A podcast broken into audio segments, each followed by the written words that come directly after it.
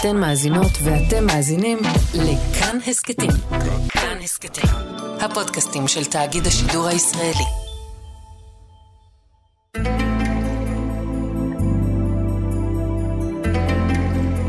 כששואלים אותי למה הצלחתי, זה מאוד קשה. זה מוזיקה טובה, קול טוב, מזל משמיים, טיימינג נכון. תגיד לי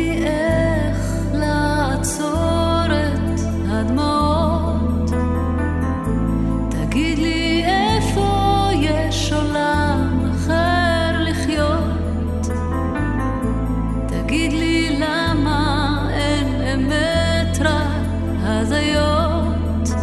אז למה?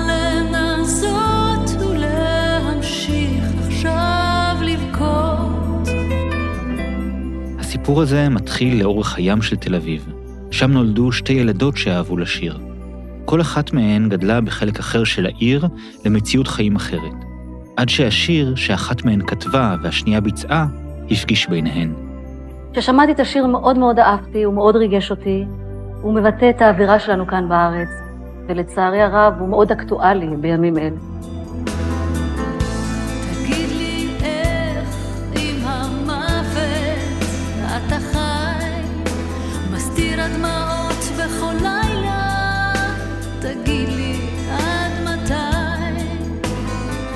היי, אני אייל שינדלר, אתם ואתן על שיר אחד. והפעם הסיפור מאחורי לאורך הים ששרה עופרה חזה. שיר שכמו תנועה של גלים, נע בין אהבות ופרדות, בין הרצון להצליח לבין הצורך למצוא את הקול שלך, שלך, וגם את הדרך להגיע בחזרה אל הבית, אל החוף.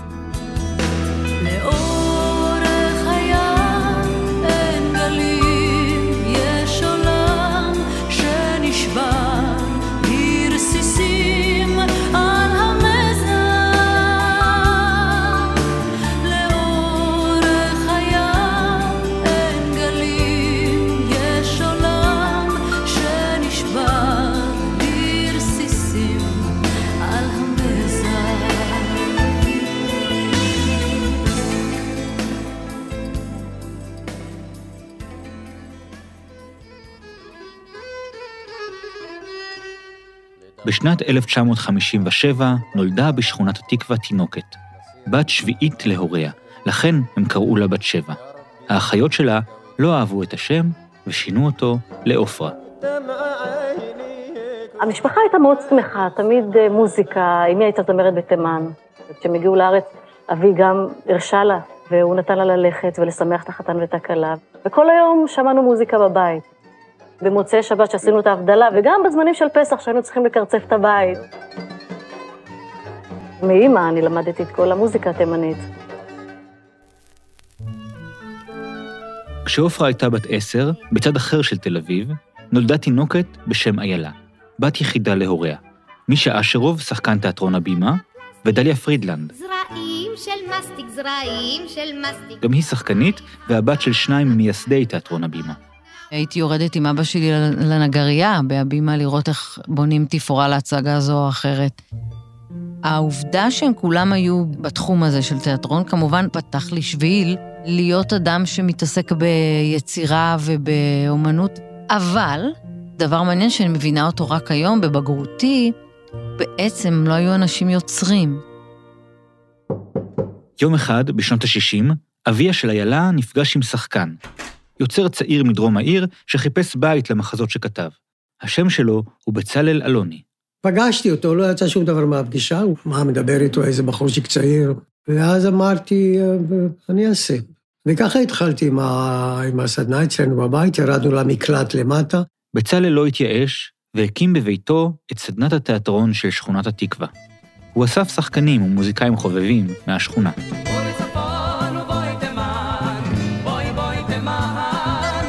ואז איזה יגאל אחד מהסדנה, שכבר הייתי בחזרות, אמר לי שהוא היה אתמול באיזה אירוע והוא שמע ילדה שרה, אמרתי לו שתבוא.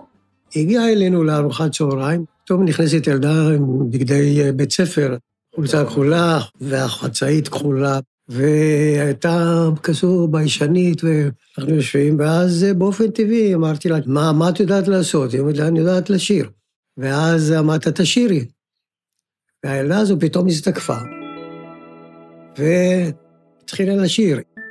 אם תשוב, אם תשוב, אם תשוב אליי.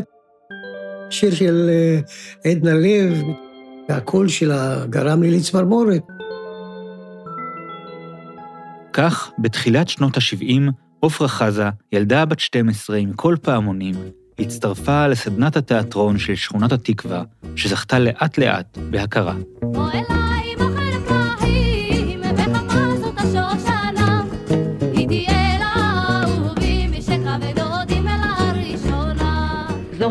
הפרס הבא צמחו מתוך מחאה.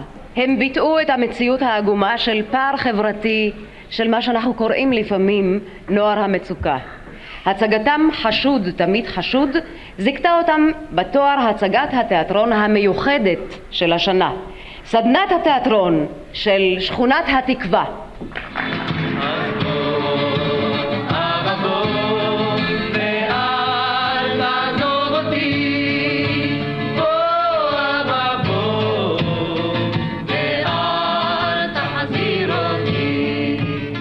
הממסד תפס אותם כתיאטרון חתרני משכונה מוחלשת, אבל בתור ילדה, עופרה לא ידעה שהיא גדלה במקום שנחשב כזה.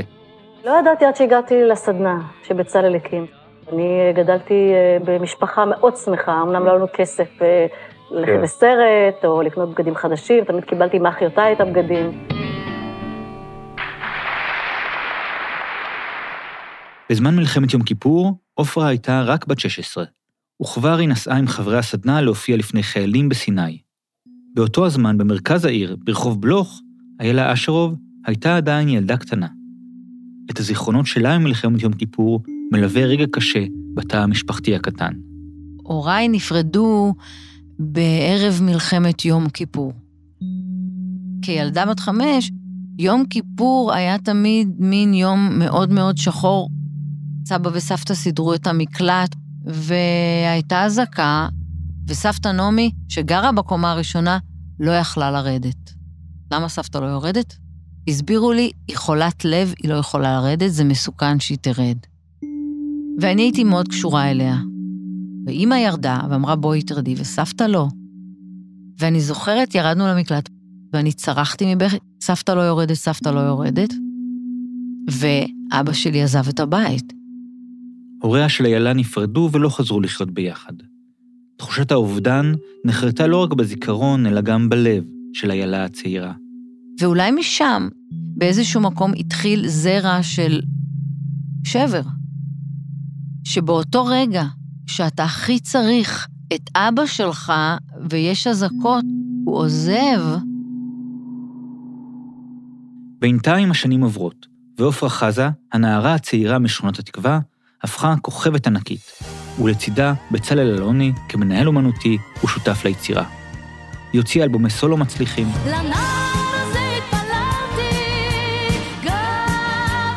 כיכבה במופע ילדים.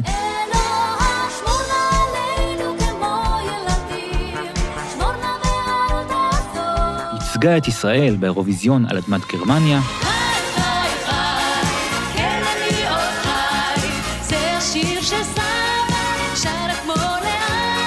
ובצעד נועז לזמנו, הקדישה האלבום להורים שלה, וחזרה למקורות באלבום שירי תימן מ-1984. להתנמא עיני כון בביסמה המפתור. האלבום שירי תימן לא זכה להצלחה בישראל, אבל עורר עניין בעולם. יזהר אשדוד הפיק רמיקס לשיר גלבי, שנמכר לחברת תקליטים באנגליה, והפך לנקודת הפתיחה של קריירה בינלאומית. Afra Hazar is coming up next, the Israeli star. I recorded the Yemenite album, especially for my parents as a present for them. The Yemenite Jewish song, they are my roots, heart, my soul.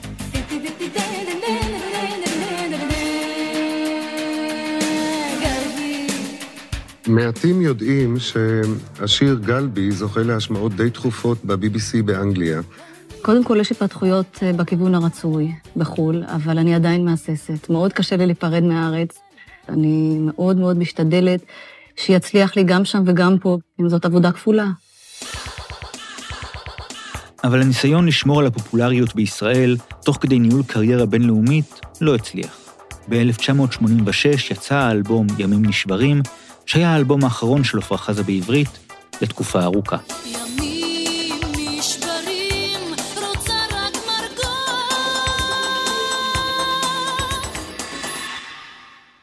בינתיים, במרכז תל אביב, איילה אשרוב, הילדה הקטנה מהמקלט, היא כבר תיכוניסטית, שאוהבת לכתוב, לנגן ולשיר, וחולמת להיות זמרת. בגיל 17 חנכו חדר חזרות על שם סבא שלי, צבי פרידלנד. איילה הלחינה מקאמה שכתב יעקב אורלנד על סבא שלה לכבוד האירוע, וביצעה אותה בטקס חנוכת חדר החזרות לפני כל נכבדי הבימה, וגם לפני אבא שלה, השחקן מישה אשרוב. אבא שלי, אני זוכרת שהוא היה בשוק. כי אני לא חייתי עם אבא שלי. אני מתארת לעצמי לאדם שקם ועוזב, ילדה בת חמש ושומע בגיל 17 את העומק הזה, זה בטח היכה בו. ואז הוא אמר, אני רוצה שתלכי לרחל הוכמן, שהיא תעבוד עלייך. רחל הוכמן היא מורה מיתולוגית לפיתוח קול, שעובדת עם זמרים וזמרות רבים. איילה התחילה ללמוד אצל רחל, וגם להשמיע לה שירים שכתבה. ובעוד עפרה חזה לא התקבלה ללהקה צבאית, איילה הצליחה להתקבל ללהקת הנחל. אימא שלי הלכה ברחוב, פגשה את צדי, צדי צרפתי שגר לא רחוק מאיתנו, והיא אמרה, הבת שלי מתגייסת. מה, מתגייסת? הוא אמר לה, יש בחינות עכשיו ללהקות, תגידי לה שתבוא. ואני פתאום באתי ושרתי שיר שלי, והם היו בשוק. זה היה צדי צרפתי ואהוד מנור, ואז הם נתנו לי לכתוב שיר לתקליט של הלהקה. אהבה סודית.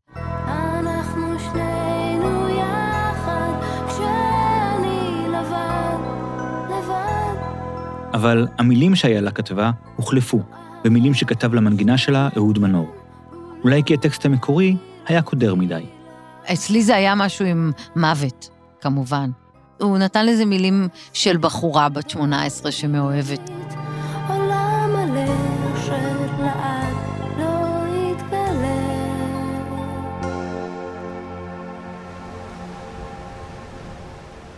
אלו היו סוף שנות ה-80 בתל אביב, העיר שהוקמה עם הגב לים. הרומן שלי איתו, עם הים, היה שנסעתי המון לאורכו, כי היה לי חבר שגר באיזושהי דירה שם, הרברט סמואל, או אה, ברחובות הקטנים, ואז נסעתי המון על אופניים. הנסיעה לאורך הים ליוותה את איילה לתוך סיפור אהבה חדש. בבת אחת, אה, בתחילת היחסים, הוא חווה אה, מוות פתאומי של אחותו. באותו רגע של ההתאהבות או קשר החזק הזה שנוצר בין שני אנשים, בן אדם שאתה פתאום הכי נקשר אליו בעולם, מאבד. אני חושבת שאני הלכתי חסרת אונים הביתה להגיד איך אני יכולה לתת לו משהו שיחזק אותו. אבל אני חושבת שזה היה לחזק אותי. כי כשאתה כל כך אה, רוצה מישהו והוא פתאום צריך להתפנות לאובדן של עצמו, אתה לרגע מאבד אותו. איילה חזרה הביתה והתיישבה ליד הפסנתר. תגיד לי איך עם המוות אתה חי, מסתיר הדמעות בכל לילה, תגיד לי, עד מתי? האש שקוראת לי לא נמצאת שם באמת, וזה שנעלם, הוא לא יחזור, כי הוא כבר מת. לאורך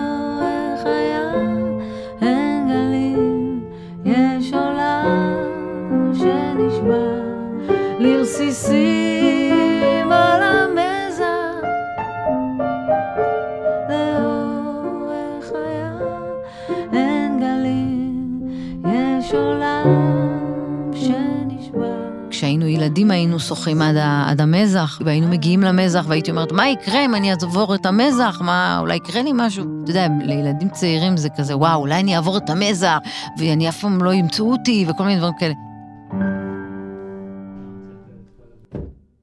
המורה לפיתוח קול, רחל הוכמן, שלחה את איילה לאולפן של אחיה, כדי להכין קלטת עם לאורך הים ושאר השירים שהיא כתבה והלחינה.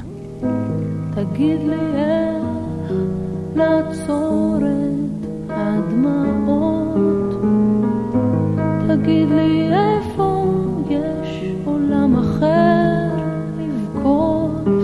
הזמרות הרבות שלמדו אצל רחל הוכמן, גם עפרה חזה הייתה מגיעה לשיעורים. ולפעמים בצלאל אלוני היה מתלווה אליה. היא אמרה לי, יש לי תלמידה שהיא כותבת שירים והיא רוצה להציע.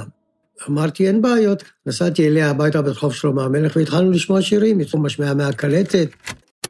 אולי זה בגלל הענן והגשם, שיר ועוד שיר ועוד שיר. ילד, אל תפחד, פתאום אה, לאורך הים אין גלים, יש עולם. היה שיר שאמרת, תעצרי, את זה אני רוצה. ורק את זה אני רוצה. קיבלתי טלפון, היא אמרה, בצלאל, שמעת זה, והם נורא רוצים את לאורך הים. עפרה חזה רוצה את זה. ואני חושבת שעבר בי את העניין הזה של מה, מה לאורך הים, אני, אני רוצה לשיר את זה. והיא לא הסכימה, אגב, שעופרה תשיר. היא רצתה להיות זמרת. ומתוך הגינות אמרת, תקשיבי, אם עופרה חזה תשיר את השיר הזה, הוא יישאר לנצח.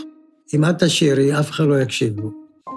ואז לא היה בן אדם אחד סביבי שלא אמר לי, איילה, אם היא תשיר ותעשה מזה שלאגר, את תוכלי לשיר את זה. ככה נעמי שמר, קיבלתי את כל הדוגמאות הכי גדולות. אחרי התלבטויות, איילה הסכימה להעביר את השיר לידי עפרה חזה. אבל הוויתורים לא נגמרו שם. כשאני נתתי להם את השיר, היו שם שני משפטים שבצלאל ביקש שהם ישנו. אז למה לנסות ולהמשיך עכשיו לחיות?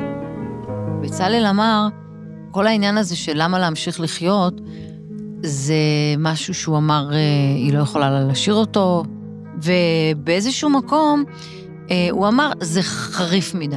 עכשיו, יכול להיות שבצלאל צדק, שאם אנחנו, היה את החריפות הזאת, לא היה קורה מה שקרה עם השיר. המשפט השני שאיילה התבקשה לשנות הוא זה שסוגר את השיר. וזה שנעלם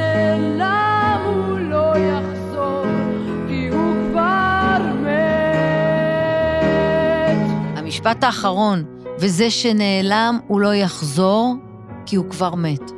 והוא אמר לי, היא לא יכולה לשיר את זה, זה פסימי. מוכרחים שהוא יחזור. וזה שנעלם, האם יחזור או כבר מת. אין תקווה גדולה מזה שהאנשים שאינם באמת יחזרו.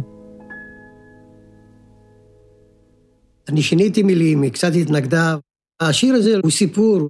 הכתיבה המקורית זה כנראה מתוך חוסר ניסיון, ופתאום אני בא מהצד, מסתכל על השיר, וזה לא נכון, אז שיניתי את השורות. וזה שנעלם, האם יחזור או כבר מת. נשאר סימן שאלה, אתה מבין? היום לא הייתי משנה, ואני באיזשהו מקום כועסת על עצמי שאני נתתי לשנות, וזה היה חלק מזה שהייתי בחורה צעירה, ומה הבעיה לשנות? לא הייתי משנה. אחרי שמונה שנים של אלבומים באנגלית, השיר הזה החזיר את עופרה לשפה העברית, והיא נכנסה לאולפן כדי להקליט אותו. בצלאל הזמין אותי לאולפן, באתי לשם, ירדתי למטה, אני זוכרת ששמעתי את זה, תגיד לי איך לעצור את הדמעות. תגיד לי איפה יש עולם אחר לחיות.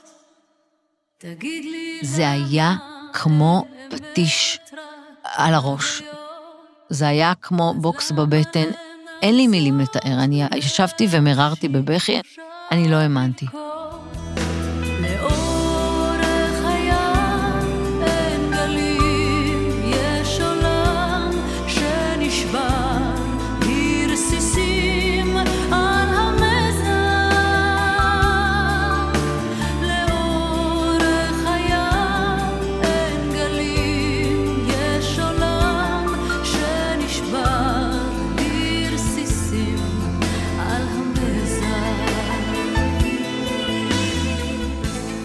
הקול של עופרה נותן למילים האלה וללחן הזה, נותן לו כוח חיים, ופתאום שאיזו זמרת כמו עופרה שרה את השיר הזה, הוא פתאום מתרומם לגבהים בלתי מובנים, בלתי מובנים.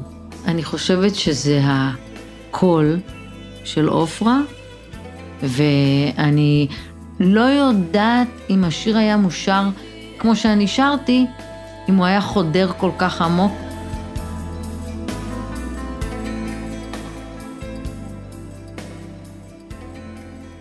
לקח זמן בין ההקלטה ועד שיצא האלבום. ובינתיים, איילה השתחררה מהלהקה הצבאית. תוך כדי לימודים ברימון, היא השתתפה בתוכניות טלוויזיה כמו תוסס ומוצ"ש עם ספי ריבלין ואלי יצפן הצעיר. אבא, המורה אמרה שהשיעורים שעשית לי, קיבלת ארבע. היא שיחקה בקאמרי בכבש השישה עשר, היא אפילו הקליטה דואט וצילמה קליפ עם אריק איינשטיין. אל נא תאמרי לי שלום, אמרי רק להתראות. הקריירה הייתה סלולה. יותר סלולה מזה אין. גמרתי את רימון, עשיתי ערב, אמרו לי, את צריכה להתחיל... חווה אלברשטיין ניגשה אליי, לקחה אותי הצידה ואמרה, את צריכה לעלות ולשיר. צריכה לצ- לצאת בערב. מה עשיתי? לקחתי מזוודה ונסעתי. איילה הרגישה שהיא צריכה להוכיח את עצמה רחוק מהחיבוק התל אביבי, והיא נסעה ללמוד מוזיקה והלחנה בארצות הברית.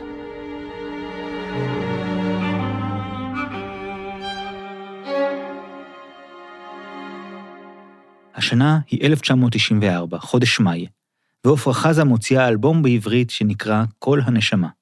לאורך הים הוא השיר שפותח אותו.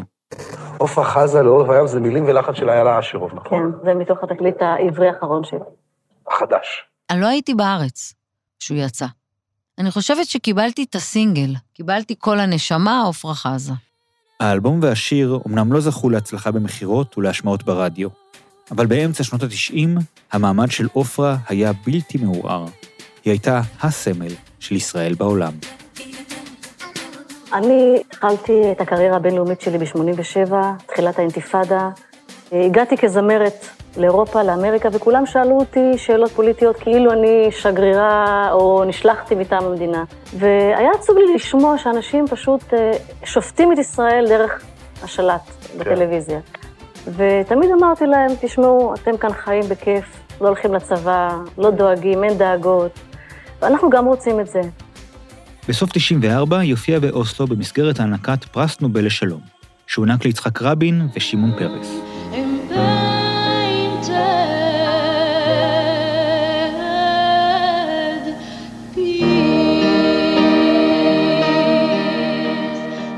אני בעד השלום. אני לא רוצה שהילדים שלי ילכו לצבא, למלחמה. אני לא אומרת אני שמאלנית, אני לא אומרת אני ימנית. מאוד היה חשוב לי שהם ידעו שאנחנו בעד השלום ואנחנו רוצים את השלום. עפרה חזה, קובי אושרת, מקהלת עפרוני. הזמרת עפרה חזה תבקר בתימן, כנראה בחודש הבא. ביקור אורגן מטעם צמרת השלטון בסאנה. ב-1995, בתמיכת ראש הממשלה יצחק רבין, בצלאל ועופרה תכננו הופעה היסטורית בתימן. התכוונו להגיע לתימן עם הוריה של עופרה, זה היה מבצע. אבא שלי לא כל כך היה בעד, אבל אה, הם מאוד רצו להראות לי איפה הם גרו, איפה הם התחתנו, אה, אתה יודע, בכל אופן, הילדות, השורשים. וקבלת פנים ממלכתית בצנעא, וליצור את השלום. בעצם הם פנו אליי, הם הגיעו אליי, מאחר ונשארה מוזיקה תימנית. הם יודעים שנשארה מוזיקה תימנית יהודית, לא מוסלמית, הם יודעים שאני ישראלית, אני תמיד מציינת זאת. עכשיו, דיברתי עם רבין בעניין הזה שאנחנו נוסעים, ואז הוא אמר, תיסעו ושיהיה לכם בהצלחה. אני זוכרת שקראתי באיזה כתבה שהוא אמר שהוא מאוד גאה שעופרה מצליחה ו- ונוסעת לתימן. אבל ממש כמה ימים לפני הטיסה המתוכננת לתימן, המציאות בישראל השתנתה. אנחנו אה, היינו אמורים להיות שם אה, בנובמבר, ב-19 ביום הולדתי, ואז ברביעי אה, רבין נרצח. ממשלת ישראל מודיעה בתדהמה על מותו של ראש הממשלה ושר הביטחון יצחק רבין. לא היינו בארץ, אנחנו בדיוק נחתנו, ובניו יורק שמענו שרבין נרצח. פשוט ביטלנו תוכניות והגענו לפה. וכמובן, בוודאי לא יכולנו לעשות את המסע הזה. לא יכולנו רגשית אה, לעשות את זה, וחזרנו לארץ. איך שנחתנו, היה מופע לזכרו של רבין בתל אביב, כל הנשמה.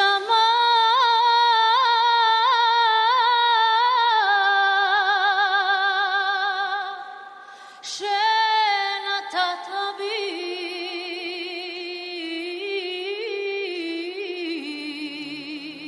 אה, עופרה עלתה, שרה את השיר,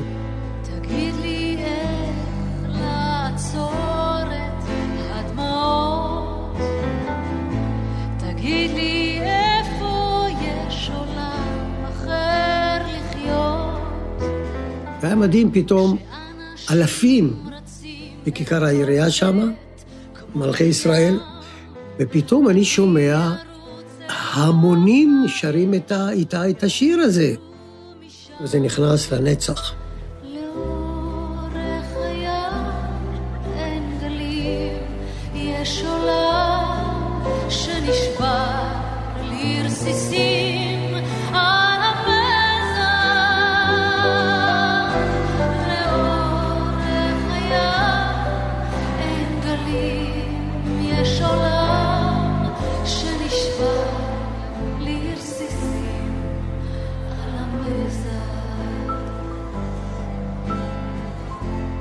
בשבועות לאחר הרצח ואחרי הביצוע בכיכר, הרדיו והטלוויזיה חיבקו את השיר שנטען במשמעות חדשה.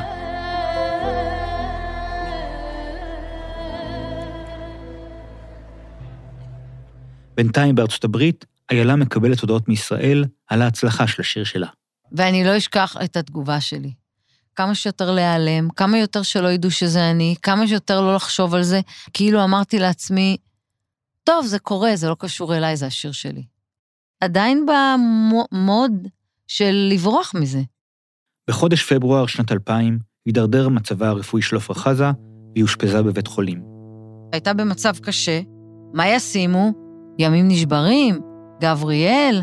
שיר אפריך? אי אפשר לשים שיר אפריך שהיא בבית חולים. שמו את זה. ערב טוב ושלום רב לכם. עפרה חזה, זיכרונה לברכה, הובאה למנוחות בבית העלמין ירקון בתל אביב. לפני מסע ההלוויה הוצב ארונה בשכונת התקווה, שכונת הולדת. ואז כשהיא נפטרה, פרסמו את המילים של השיר הזה בדף הראשון של אה, ידיעות אחרונות. ואז זה התחיל להיות קשור למוות שלה עצמה.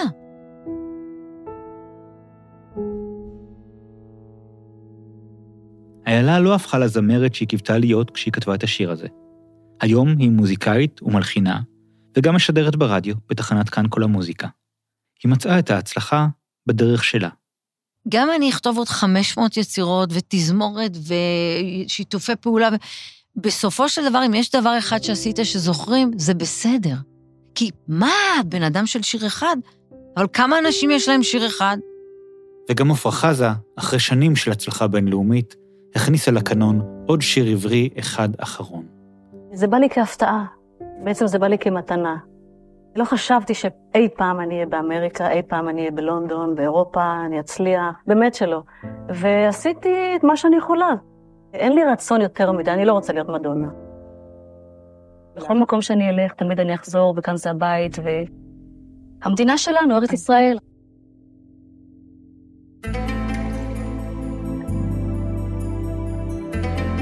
האזנתם והאזנתן לשיר אחד. את הפרק הזה ערכתי יחד עם מאיה קוסובר. עיצוב סאונד ומיקס, אסף רפפורט. מוזיקה מקורית, דניאל שמר. תחקיר ארכיון, אוריה בן ברית, ארכיון כאן. בצוות שיר אחד חברים גם ניר גורלי ותומר מולביטזון. תודה גם לרועי שניידר. פרקים והסכתים נוספים מחכים לכם באתר וביישומון של כאן. אנחנו זמינים כמובן גם בכל יישומוני ההסכתים. בואו גם להגיד שלום בקבוצת כאן הסכתים בפייסבוק. אני אל שינדלר, ניפגש בפרקים הבאים. תגיד לי